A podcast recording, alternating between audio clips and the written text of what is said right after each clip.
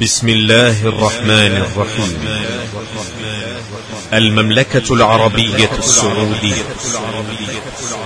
وزارة التربية والتعليم. الإدارة العامة للتربية الخاصة. المكتبة المركزية للكتب الناطقة. تقدم.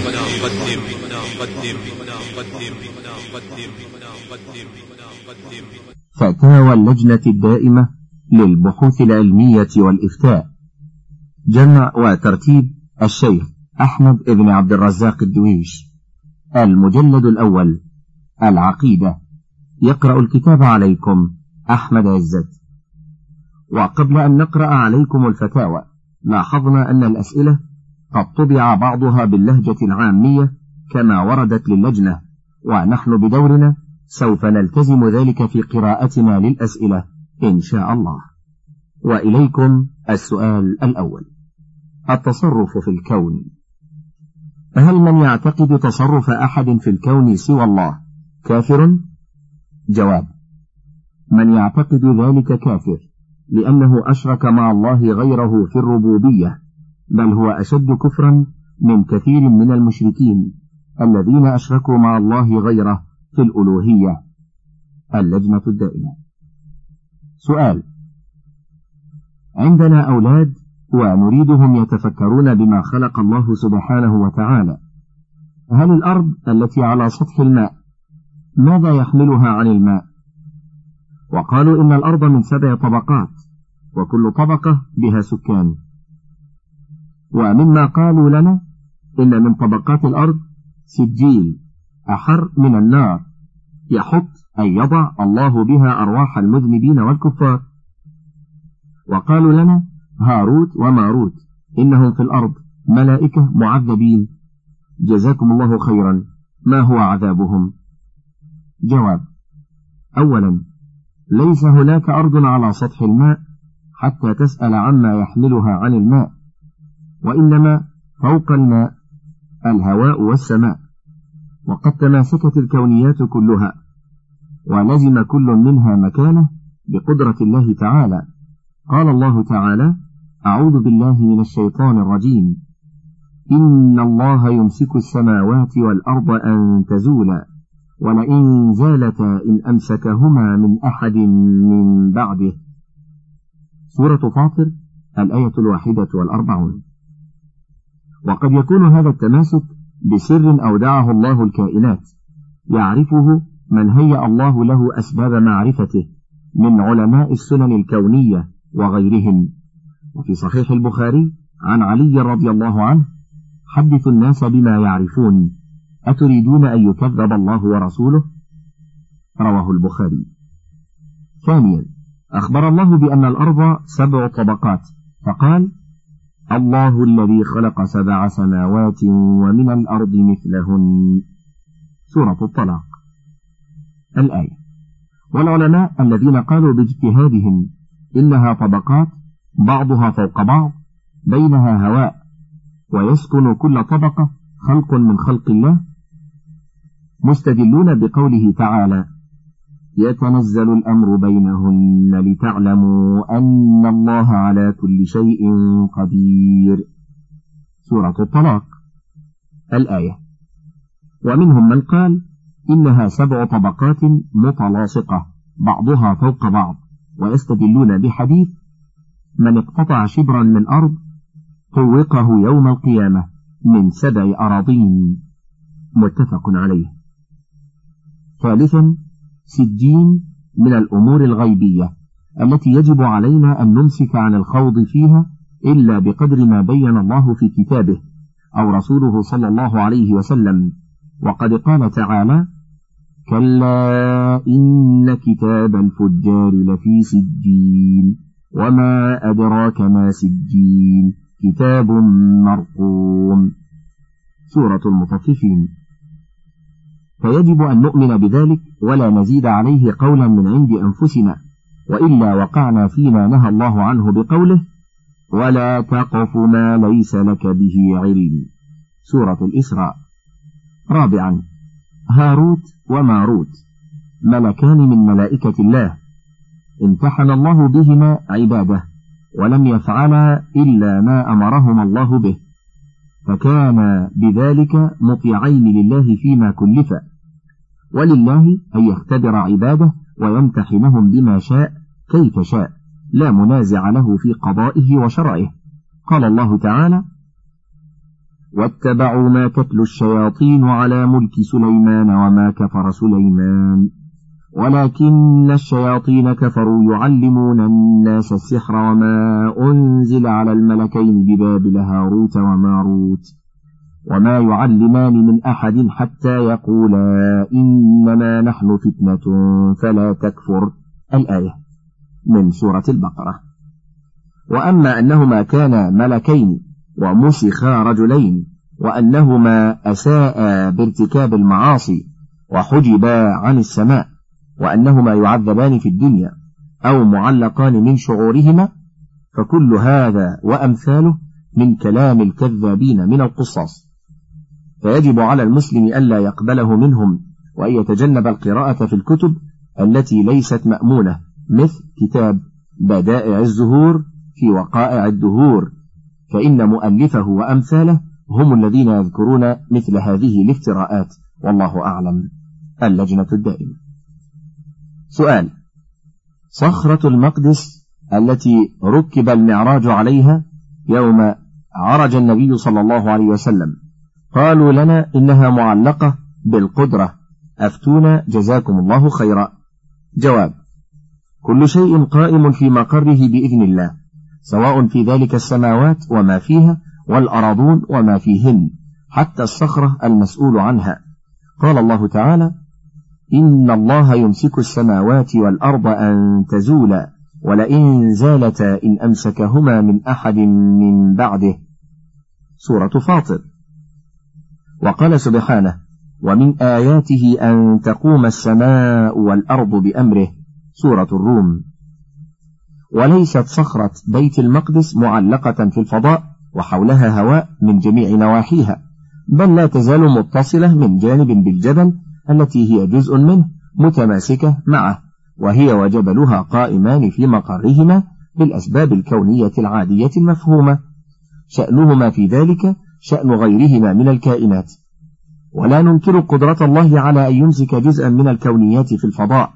فمجموع المخلوقات كلها قائمة في الفضاء بقدرة الله كما تقدم. وقد رفع الله الطور فوق قوم موسى حينما امتنعوا من العمل بما آتاهم به موسى من الشرائع.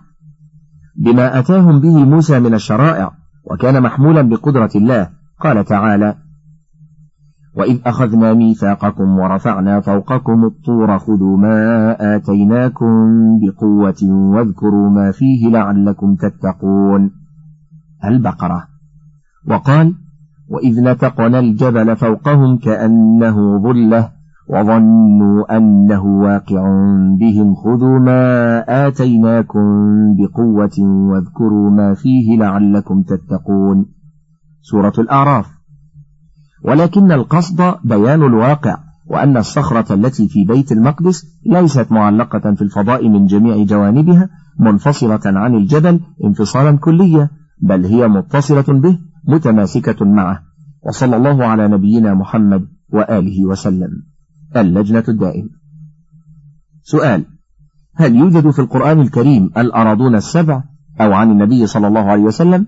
لأن فيه اختلافا بيننا وفي أي سورة من القرآن الكريم أو حديث عن النبي صلى الله عليه وسلم جزاكم الله خير الجزاء.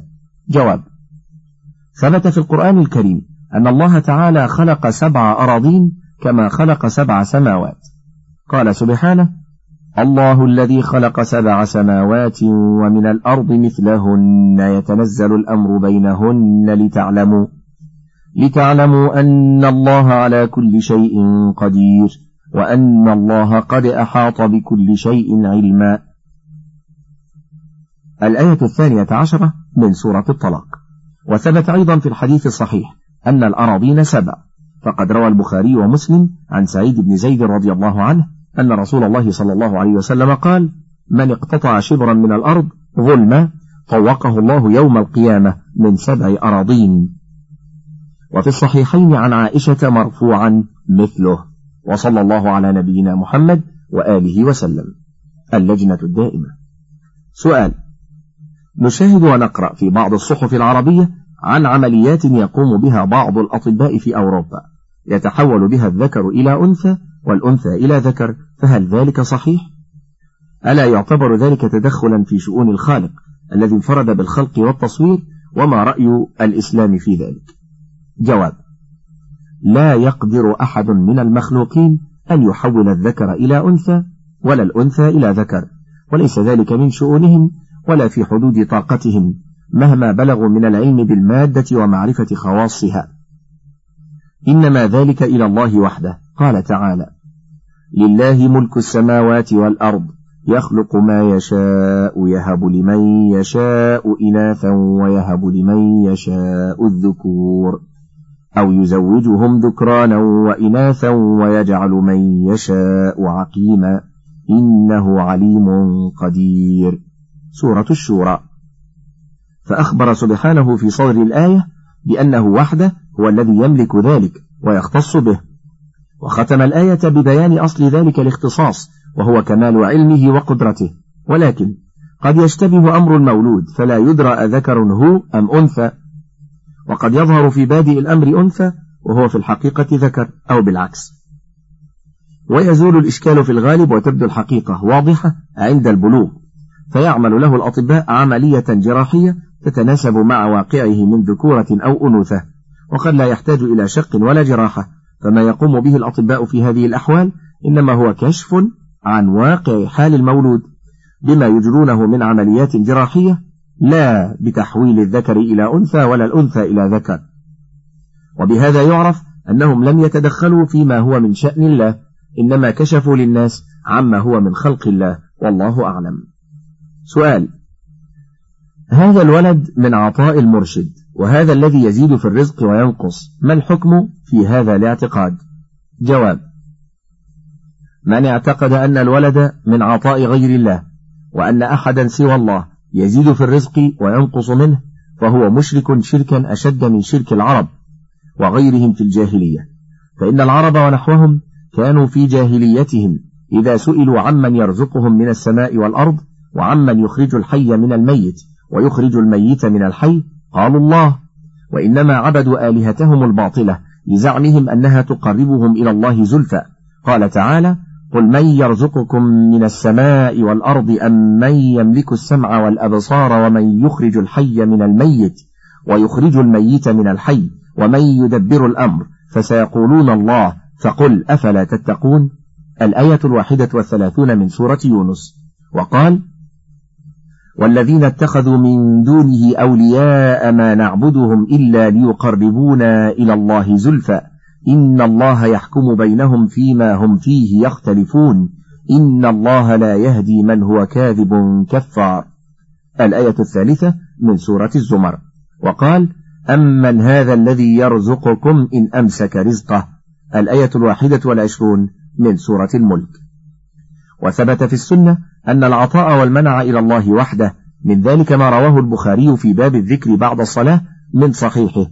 أن ورادا كاتب المغيرة بن شعبة قال أملى علي المغيرة بن شعبة في كتاب إلى معاوية أن النبي صلى الله عليه وسلم كان يقول في دبر كل صلاة مكتوبة لا إله إلا الله وحده لا شريك له له الملك وله الحمد وهو على كل شيء قدير. اللهم لا مانع لما أعطيت ولا معطي لما منعت ولا ينفع ذا الجد منك الجد. لكن قد يعطي الله عبده ذرية ويوسع له في رزقه بدعائه إياه ولجئه إليه وحده كما هو واضح في سورة إبراهيم من دعاء إبراهيم الخليل ربه وإجابة الله دعاءه وفي سورة مريم والأنبياء وغيرهما من دعاء زكريا ربه وإجابته دعاءه.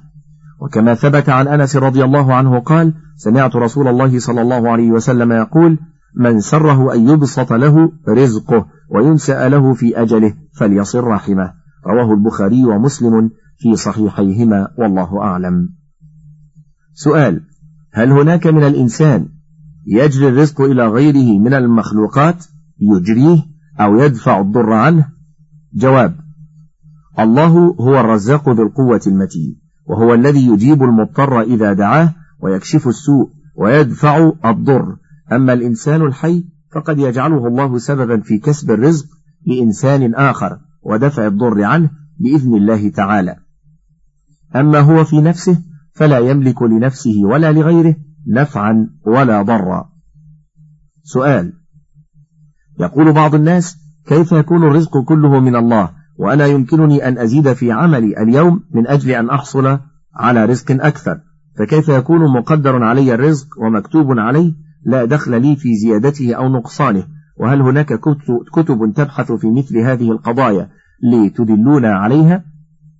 جواب الرزق من عند الله إيجادا وتقديرا وإعطاء وكسبا وتسببا فالعبد يباشر السبب أيا كان صعبا أو سهلا كثيرا أو قليلا. والله يقدر السبب ويوجده فضلا منه ورحمة فينسب الرزق إلى الله تقديرا وإعطاء وإلى العبد تسببا وكسبا. نظرية التطور والارتقاء. سؤال هناك من يقول إن الإنسان منذ زمن بعيد كان قردة وتطور فهل هذا صحيح؟ وهل من دليل؟ جواب هذا القول ليس بصحيح والدليل على ذلك أن الله بين في القرآن أطوار خلق آدم فقال تعالى إن مثل عيسى عند الله كمثل آدم خلقه من تراب. ثم إن هذا التراب بل حتى صار طينا لازبا يعلق بالأيدي. فقال تعالى ولقد خلقنا الإنسان من سلالة من طين وقال إنا خلقناهم من طين لازب ثم صار حمأ مسنونا. قال تعالى ولقد خلقنا الإنسان من صلصال من حمأ مسنون ثم لما يبس صار صلصالا كالفخار. قال تعالى خلق الإنسان من صلصال كالفخار. وصوره الله على الصورة التي أرادها ونفخ فيه من روحه. قال تعالى وإذ قال ربك للملائكة إني خالق بشرا من صلصال من حمأ مسنون. فإذا سويته ونفخت فيه من روحي فقعوا له ساجدين. هذه هي الأطوار التي مرت على خلق آدم من جهة القرآن. وأما الأطوار التي مرت على خلق ذرية آدم فقال تعالى ولقد خلقنا الإنسان من سلالة من طين ثم جعلناه نطفة في قرار مكين. ثم خلقنا النطفة علقة فخلقنا العلقة مضغة فخلقنا المضغة عظاما فكسونا فكسونا العظام لحما ثم أنشأناه خلقا آخر فتبارك الله أحسن الخالقين. سورة المؤمنون. أما زوجة آدم حواء فقد بين الله تعالى أنه خلقها منه فقال تعالى يا أيها الناس اتقوا ربكم الذي خلقكم من نفس واحدة وخلق منها زوجها وبث منهما رجالا كثيرا ونساء. الآية. وصلى الله على نبينا محمد وعلى آله وصحبه وسلم. كيفية خلق الإنسان؟ سؤال هل نفهم من نفخ الروح في الجنين بعد أربعة أشهر أن الحيوان المنوي المتحد ببيضة المرأة والذي يتكون الجنين منه لا روح فيه أو ماذا؟ جواب لكل من الحيوان المنوي وبويضة المرأة حياة تناسبه إذا سلم من الآفات تهيأ كل منهما بإذن الله وتقديره للاتحاد بالآخر. وعند ذلك يتكون الجنين إن شاء الله. ذلك ويكون حيا أيضا حياة تناسبه حياة النمو والتنقل في الأطوار المعروفة. فإذا نفخ فيه الروح سرت فيه حياة أخرى بإذن الله اللطيف الخبير. ومهما بذل الإنسان وسعه ولو كان طبيبا ماهرا فلن يحيط علما بأسرار الحمل وأسبابه وأطواره.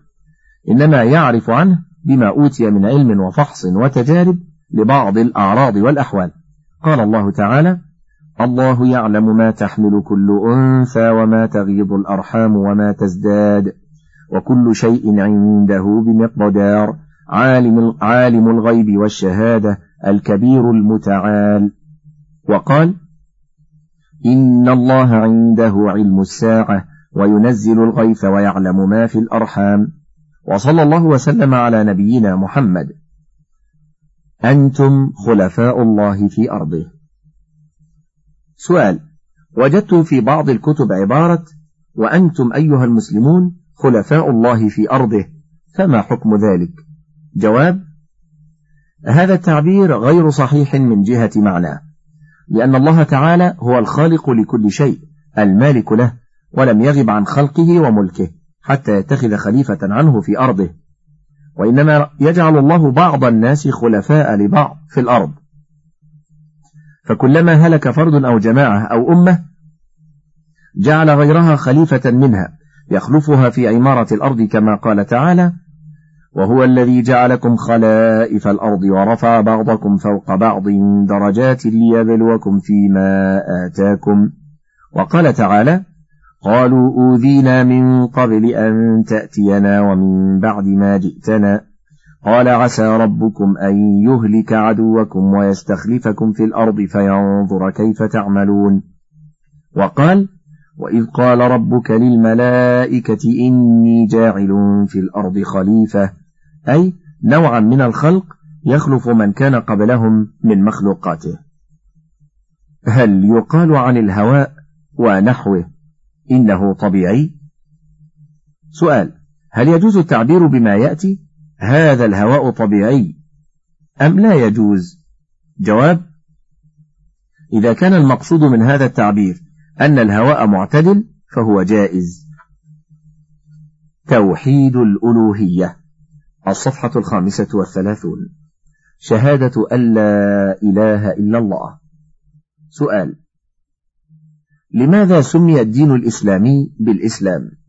جواب لأن من دخل فيه أسلم وجهه لله واستسلم وانقاد لكل ما جاء عن الله وعن رسول الله صلى الله عليه وسلم من الأحكام.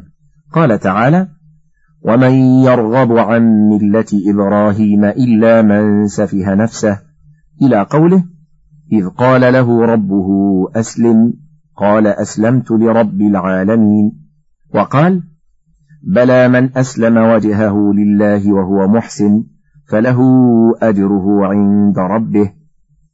سؤال ما معنى العبادة؟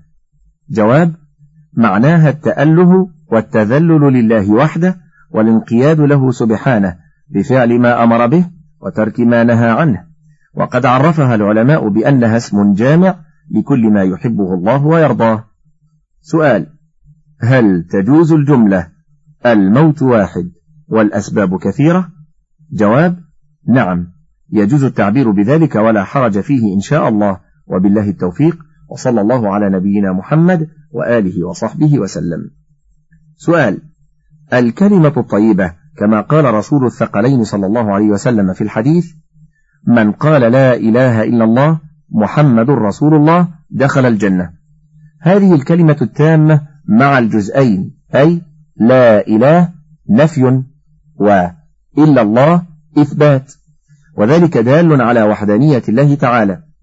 والجزء الثاني الدال على رسالة محمد صلى الله عليه وسلم في أي كتاب أجدها وإن كانت مع الجزئين في كتاب الله تعالى. وأحاديث النبي صلى الله عليه وسلم. لكن ما سواهما في أي كتاب ما جمع مع الجزئين؟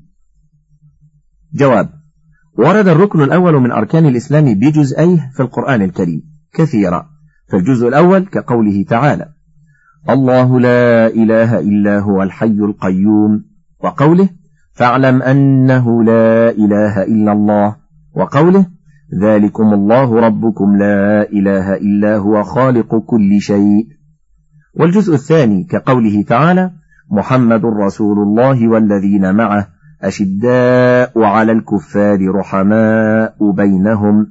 وقوله تعالى وما محمد إلا رسول قد خلت من قبله الرسل.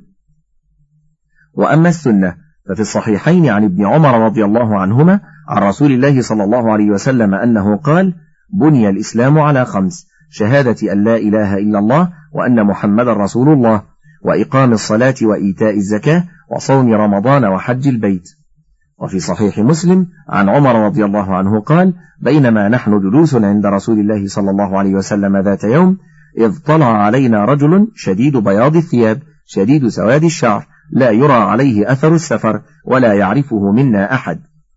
حتى جلس إلى النبي صلى الله عليه وسلم فأسند ركبتيه إلى ركبتيه ووضع كفيه على فخذيه وقال يا محمد أخبرني عن الإسلام.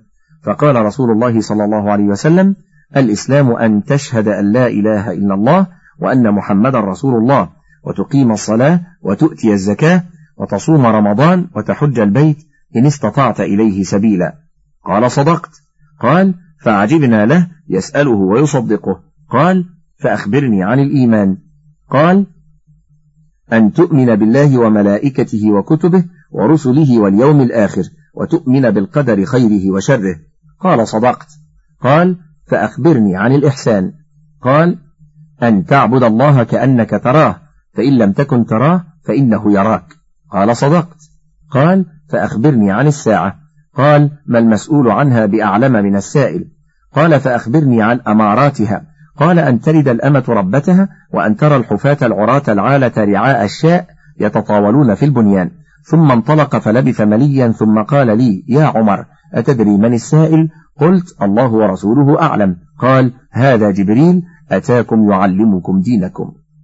وفي الصحيحين عن عبادة بن الصامت رضي الله عنه قال قال رسول الله صلى الله عليه وسلم من شهد أن لا إله إلا الله وحده لا شريك له وأن محمدا عبده ورسوله وأن عيسى عبد الله ورسوله وكلمته ألقاها إلى مريم وروح منه وأن الجنة حق والنار حق أدخله الله الجنة على ما كان من العمل.